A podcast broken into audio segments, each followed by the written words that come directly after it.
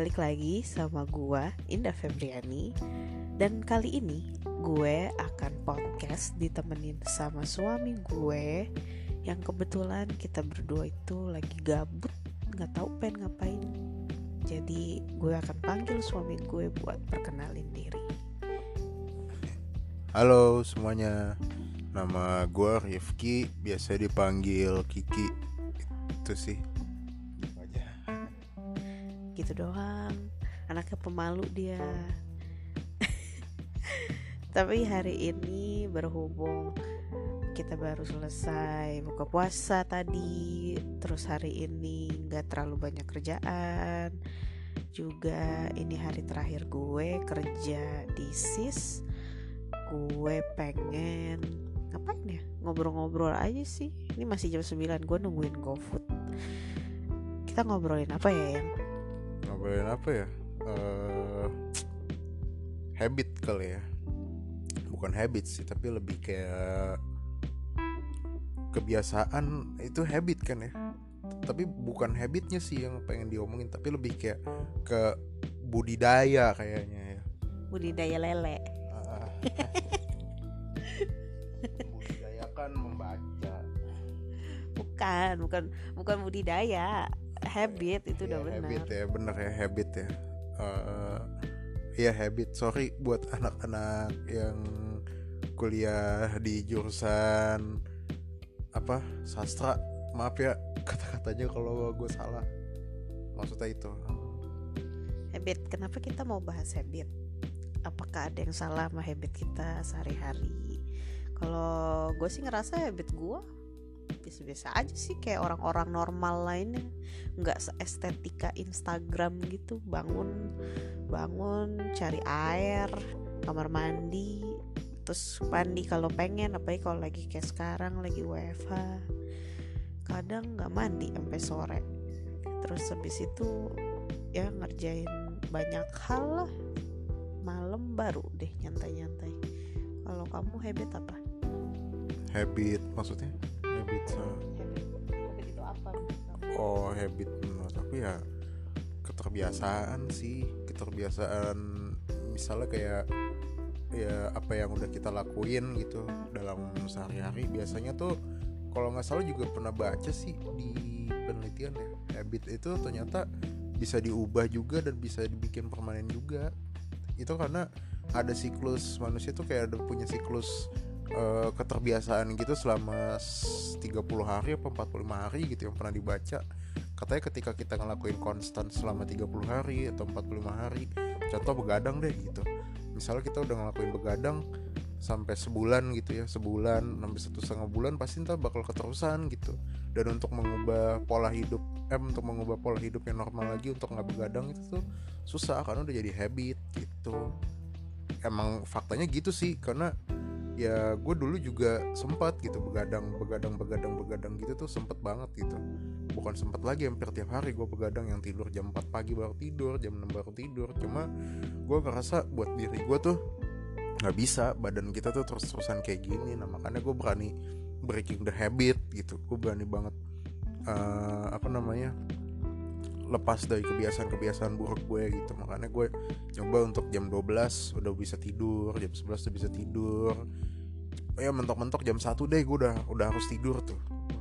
Bangunnya ya lebih pagi lah jam 8 jam 9 gitu nggak jam 7 cuma emang belum bisa gue aja kadang-kadang bangun masih siang jam 12 karena ya gue capek juga gitu. Gue juga kan emang namanya lagi kegiatan yang cuma di rumah doang ya gue keseringan rutinitas gue workout terus gitu. Apalagi pas udah masuk bulan puasa ya gue setiap sore tuh pasti gue workout gitu. Tapi kayak ha- habit tuh bukan cuman masalah apa yang kita lakuin apa yang jadi rutinitas kita hari-harian gitu loh. Tapi menurut gue ya habit itu tuh juga permasalahan tentang eh, ada ada kaitannya tuh habit dengan budaya. Jadi kayak habit orang yang tinggal di lingkungan keluarga A pasti bakal beda sama habit orang yang tinggal di lingkungan keluarga B. Contoh ya eh, keluarga besar dari nyokap gue tuh semuanya pedagang. Mereka tuh dari kecil habit itu pasti bangun subuh. Dan setelah bangun subuh itu mereka pasti ya udah nggak bisa banyak cincong gitu. Gantian mandi langsung buru-buru buat berangkat buka toko di pasar terus siang mereka gantian pulang sore mereka tutup toko. And the cycle goes and on and on sampai akhirnya mereka merit dan tinggal di rumah masing-masing gitu. Tentu habit yang kayak gitu kan udah kebentuk dari mereka kecil sampai mereka gede yang pada akhirnya tuh ngebentuk perilaku mereka. Jadi keseharian mereka gitu loh. Ujung-ujungnya tuh keluarga gue nggak banyak yang bisa bangun siang. Bentar ada GoFood yang di depan ya pak? Oke pak. Bentar ya pak. Silakan Bapak Rifki menanggapi soal habit dari keluarga sedangkan saya ngambil GoFood.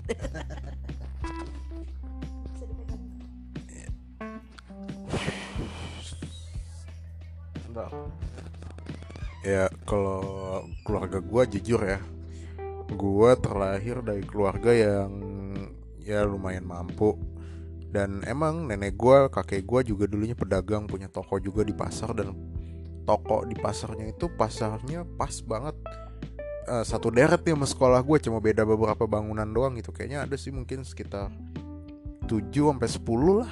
7 eh enggak lah 7 atau 8 gedung lah dari sekolah gue kalau kalau gue dari sekolah gue keluar pagar sekolah nih gue tinggal ke kanan aja udah tuh ntar ada pasar tuh pasar grogol tuh nah itu tuh kakek nenek gue juga dulu pedagang. Dan emang sih gue ngeliat kakek nenek gue habitnya emang bangun pagi terus gitu dan berangkat pagi gitu. Meskipun udah tua nggak ada kegiatan juga ya masih tetap yang bangun pagi. Entah itu minum teh entah sholat subuh ngopi atau sebagainya atau nyiram tanaman atau main ikan di kolam gitu.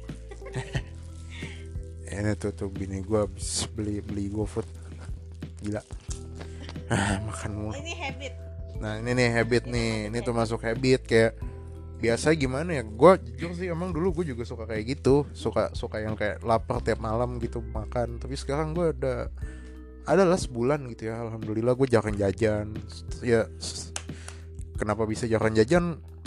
Sebenarnya enggak sih. Bukan karena habit. Mau nggak mau gue nggak jajan karena gue ngeliat jam segini gue buka GoFood gue buka GrabFood makanannya banyak yang jualan tuh banyak cuma yang bisa gue makan sedikit banget gitu.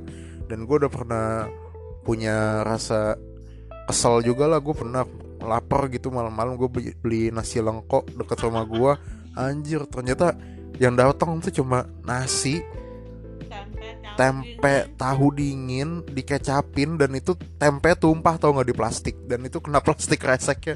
Wah gila sih pecah banget itu. Gila pecah banget pecah gue makan gila gue mendingan beli di warteg depan ketahuan gue jalan gitu ke depan kan beli beli, beli di warung nasi yang emang udah jelas gitu makanannya lebih enak lebih bersih gitu. Parah sih parah ini.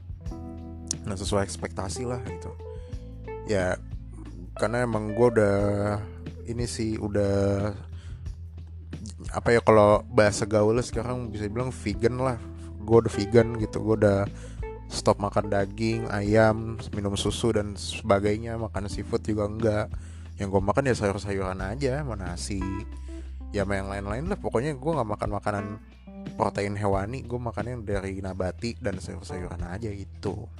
Itu tuh jadi habit jadi habit buat gue makanya gue sekarang setiap abis maghrib mau mau lagi nggak buat bulan puasa atau gue lagi hari-hari biasa jam 7 jam 8 tuh gue udah pasti udah makan malam gitu. Jam malam gue jam jam segini nih setengah 10 kurang atau jam 10 gue lapar.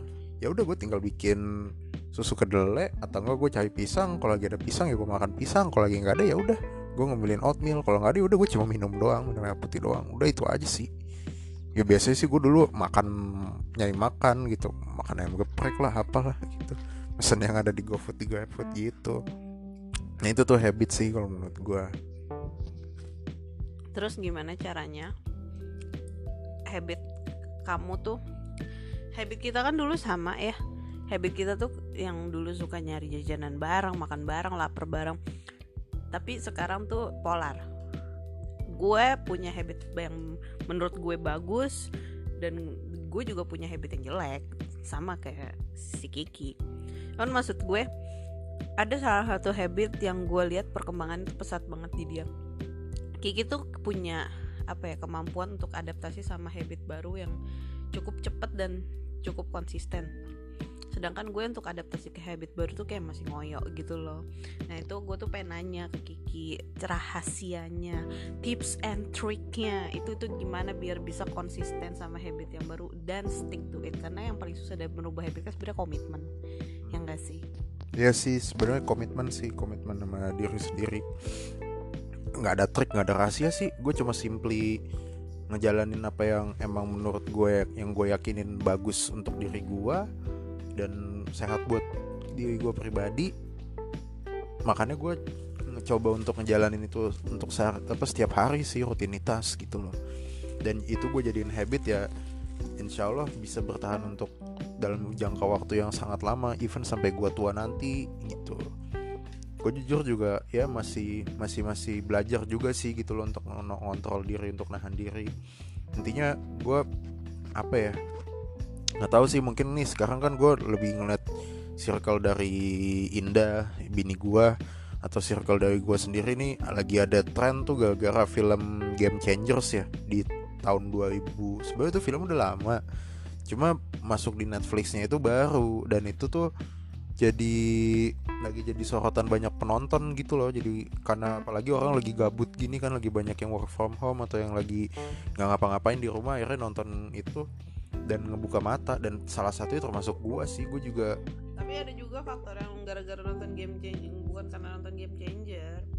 Ada yang berubah jadi vegetarian atau vegan karena emang corona tuh bikin dompet cekak banget. Iya, iya, iya, itu itu itu itu, itu sih. Tapi gue emang jauh dari sebelum corona masuk ke Indonesia juga emang udah vegan gue.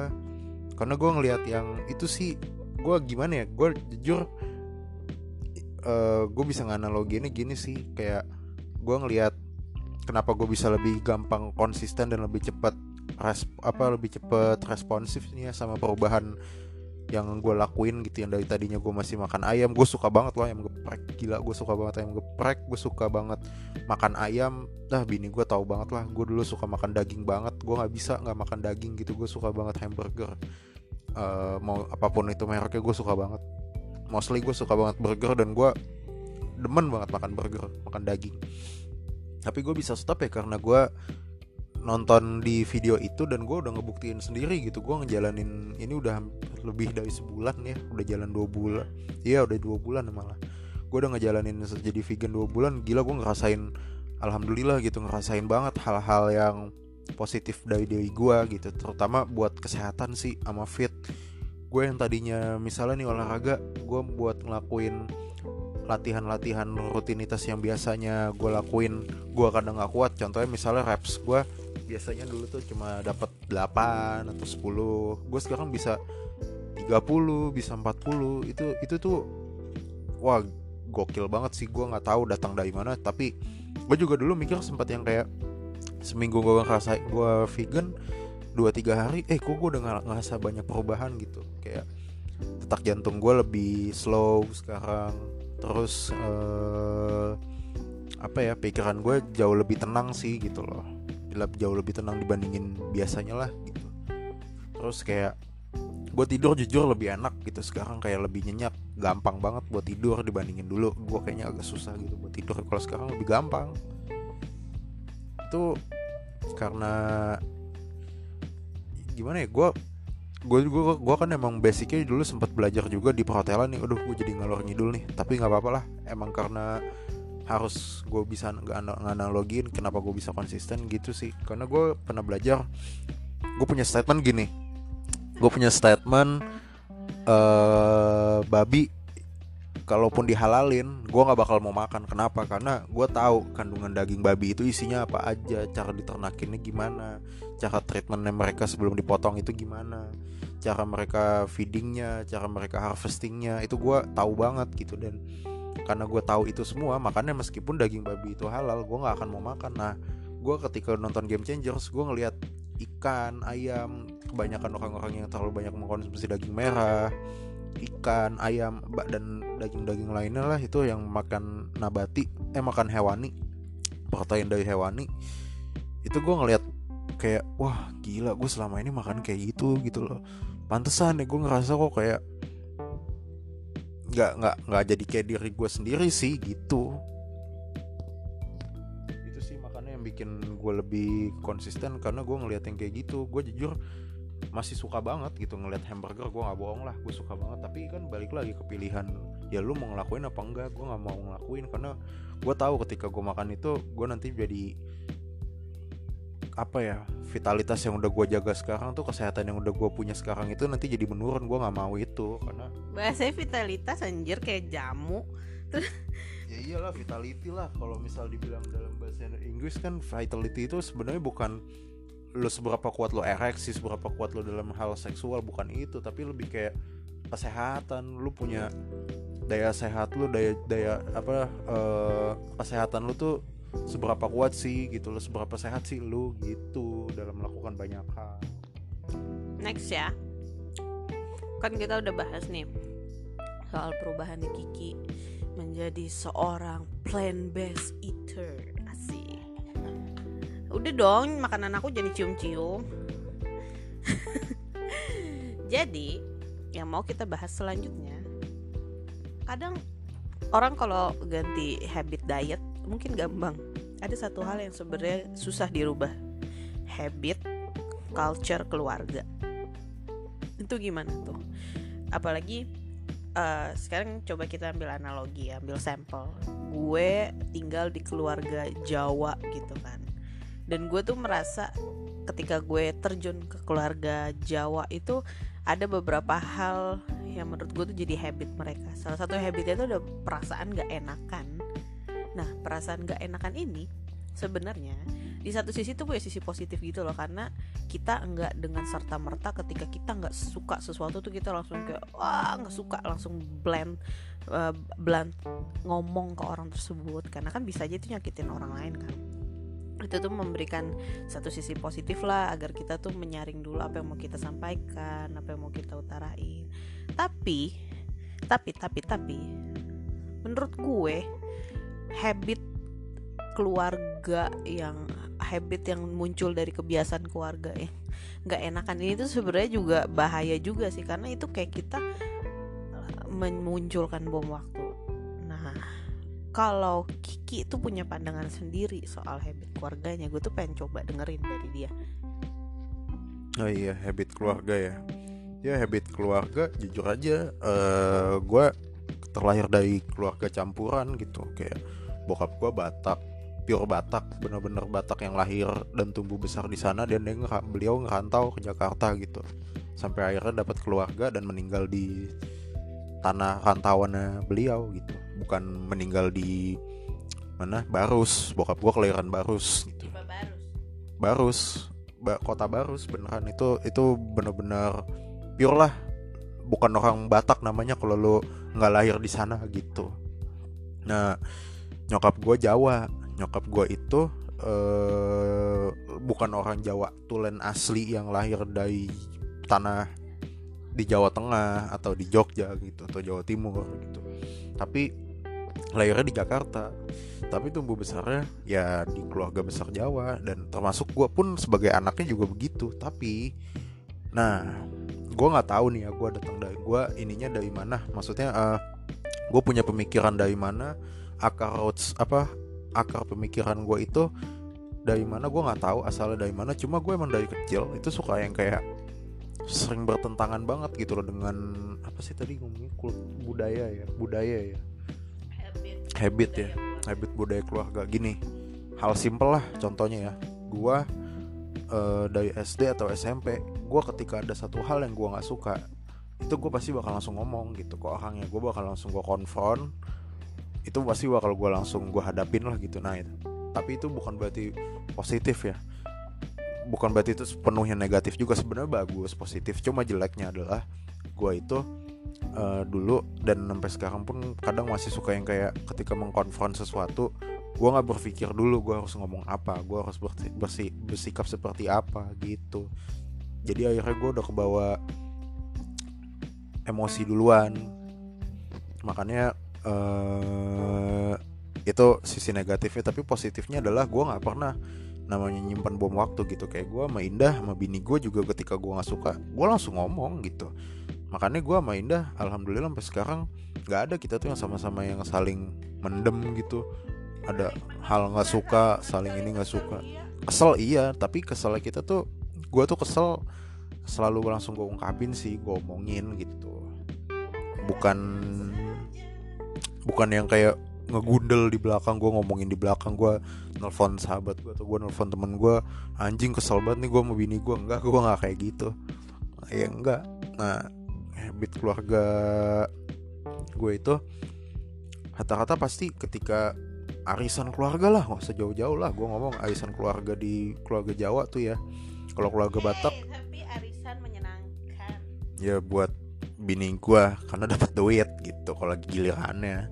Cuma kalau gue pribadi gue tuh sama bini gue emang jujur aja kalau untuk datang ke arisan tuh agak-agak males-malesan. Dan sampai sekarang mungkin males banget gue lah. Gue paling males banget dari dulu sampai sekarang. Kenapa? Karena ya gimana ya gue ngeliat suatu keluarga nih ekosistemnya nggak sehat banget gitu loh. Kayak datang datang ngumpul gitu ya. Datang ngumpul.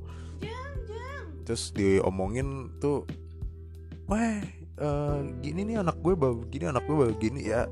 Itu mostly pasti kata-kata keluarga Indonesia mulu suku lu apa sukunya apa yang tinggal di Jakarta. Pasti mostly kayak gitulah. Terus yang membedakan karakteristiknya apa? Nah yang membedakan karakteristiknya itu tuh beda bedanya kalau di sini tuh ketika ada satu hal nih misalnya nih misalnya nih ya. Contoh kayak ih omongannya ada yang kurang diterima gitu. Misalnya bude gue nih ngomong ngomong sesuatu gitu ya ngomong ngomongnya agak meninggi gitu. Terus nyokap gue pasti kayak diem dulu kesenyum dulu kayak iya gini tapi nanti di belakangnya ketika ngomong lagi teleponan sama bude gue yang lain sama kakak nyokap yang lain atau sama adeknya gitu itu pasti ngomongin atau enggak sama gue sama anak-anaknya atau enggak sama mbak gue itu pasti ngomongin ih si ini ngomongnya begini ya tadi ih masa ngomongnya begini gini gini ya. Itu tuh itu tuh itu tuh kayak nggak sehat banget gitu loh. Lu ngumpul sama keluarga keluarga lu tapi di satu sisi di belakangnya lu ngomongin buat apa? gitu loh. Gue nggak bisa kayak gitu. Menurut gue hidupnya tuh nggak sehat banget siklus yang eh siklus sorry habit yang nggak sehat banget gitu loh. Kayak nggak enakan nggak enakan terus kayak ya ujung-ujungnya jadi mengumpat gitu kan kayak ngegundel di belakang lu ngomongin orang di belakang gitu. Itu tuh jadi nggak sehat banget sih nggak sehat buat diri lu sendiri buat lingkungan lu juga ya nggak sehat karena nanti gua kita kan nggak tahu tiba-tiba kita lepas kontrol lepas kendali namanya manusia. Lu nggak akan pernah tahu lah. Setiap drama keluarga tuh dibikin film atau series. Kayak Keeping Up with the Kardashian siapa tahu dapat duit enggak sih sebenarnya nggak harus kayak gitu karena keluarga menurut gue privasi sih. Cuma jeleknya tuh di sini. sih bang. Orang lagi bercanda. Cuma jeleknya tuh gitulah gue emang jujur aja emang enough. Gue gue udah 29 tahun gitu ya. Ya nggak usah dihitung 29 deh. 25 24 tahun deh. Gue lima tahun kan nggak tahu apa-apa ya dari umur 1 sampai 5 tahun. Cuma gue dari umur 6 tahun 7 tahun tuh emang udah kayak males gitu buat ngumpul-ngumpul keluarga. Karena ya begitu-gitu doang. Ketemu salim.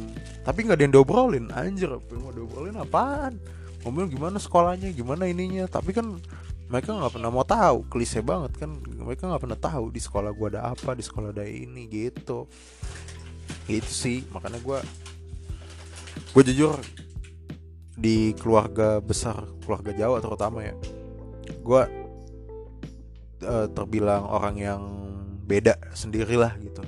Bisa dibilang gue kayak orang asing gitu karena gue kalau pas lagi arisan juga ya bini gue aja tahu. Gue tuh jarang ngobrol sama siapa-siapa gitu. Ya karena emang gue jujur aja. Besarnya gue bukan dari keluarga besar gue gue besarnya tuh di luar di luar keluarga gue gue ketemu teman-teman gue ketemu circle gue ketemu ini ininya semua itu di luar gitu. Dan gue lebih banyak belajar lebih banyak nyerap tentang kehidupan tuh dari luar bukan dari keluarga gue sendiri itu terus kenyang tar mikir dulu. Kalau misalnya nih habit itu kan eh, kayak tadi kan udah ada dari keluarga terus habitnya juga ada yang menyenangkan ada yang enggak. Tapi kan balik lagi manusia itu harus adaptif. Kalau manusia nggak adaptif yang ada nanti satu kita kena seleksi alam dua kita tuh akan ditinggalkan juga ujung-ujungnya. Jadi menurut gua sih ya uh, kita kita nih manusia yang dikasih akal kita tuh boleh memilih gitu loh untuk mau mengikuti suatu habit atau culture tertentu dari keluarga atau diri sendiri atau influence dari mana aja atau enggak sama sekali nggak ngikutin. Karena balik lagi sih hidup tuh yang ujung-ujungnya akan menjalani kan lo ya. Jadi kalau habit lo lo tahu yang terbaik habit lo itu apa kalau lo emang bisa merubah itu ya ubahlah dulu dari diri lo sendiri. Kemudian ketika lo bisa merubah itu dari unit diri lo ubahlah dalam unit keluarga lo. Kalau gue pribadi sih ya gue sih nggak mau menghasilkan memproduksi keluarga gue nanti anak gue cucu gue itu dengan produk yang sama dari didikan kedua keluarga kami gitu loh. Bukan berarti culture keluarga kita jelek banget enggak. Cuma maksudnya ada manfaatnya tapi secara garis besar do we really want to follow this path? No.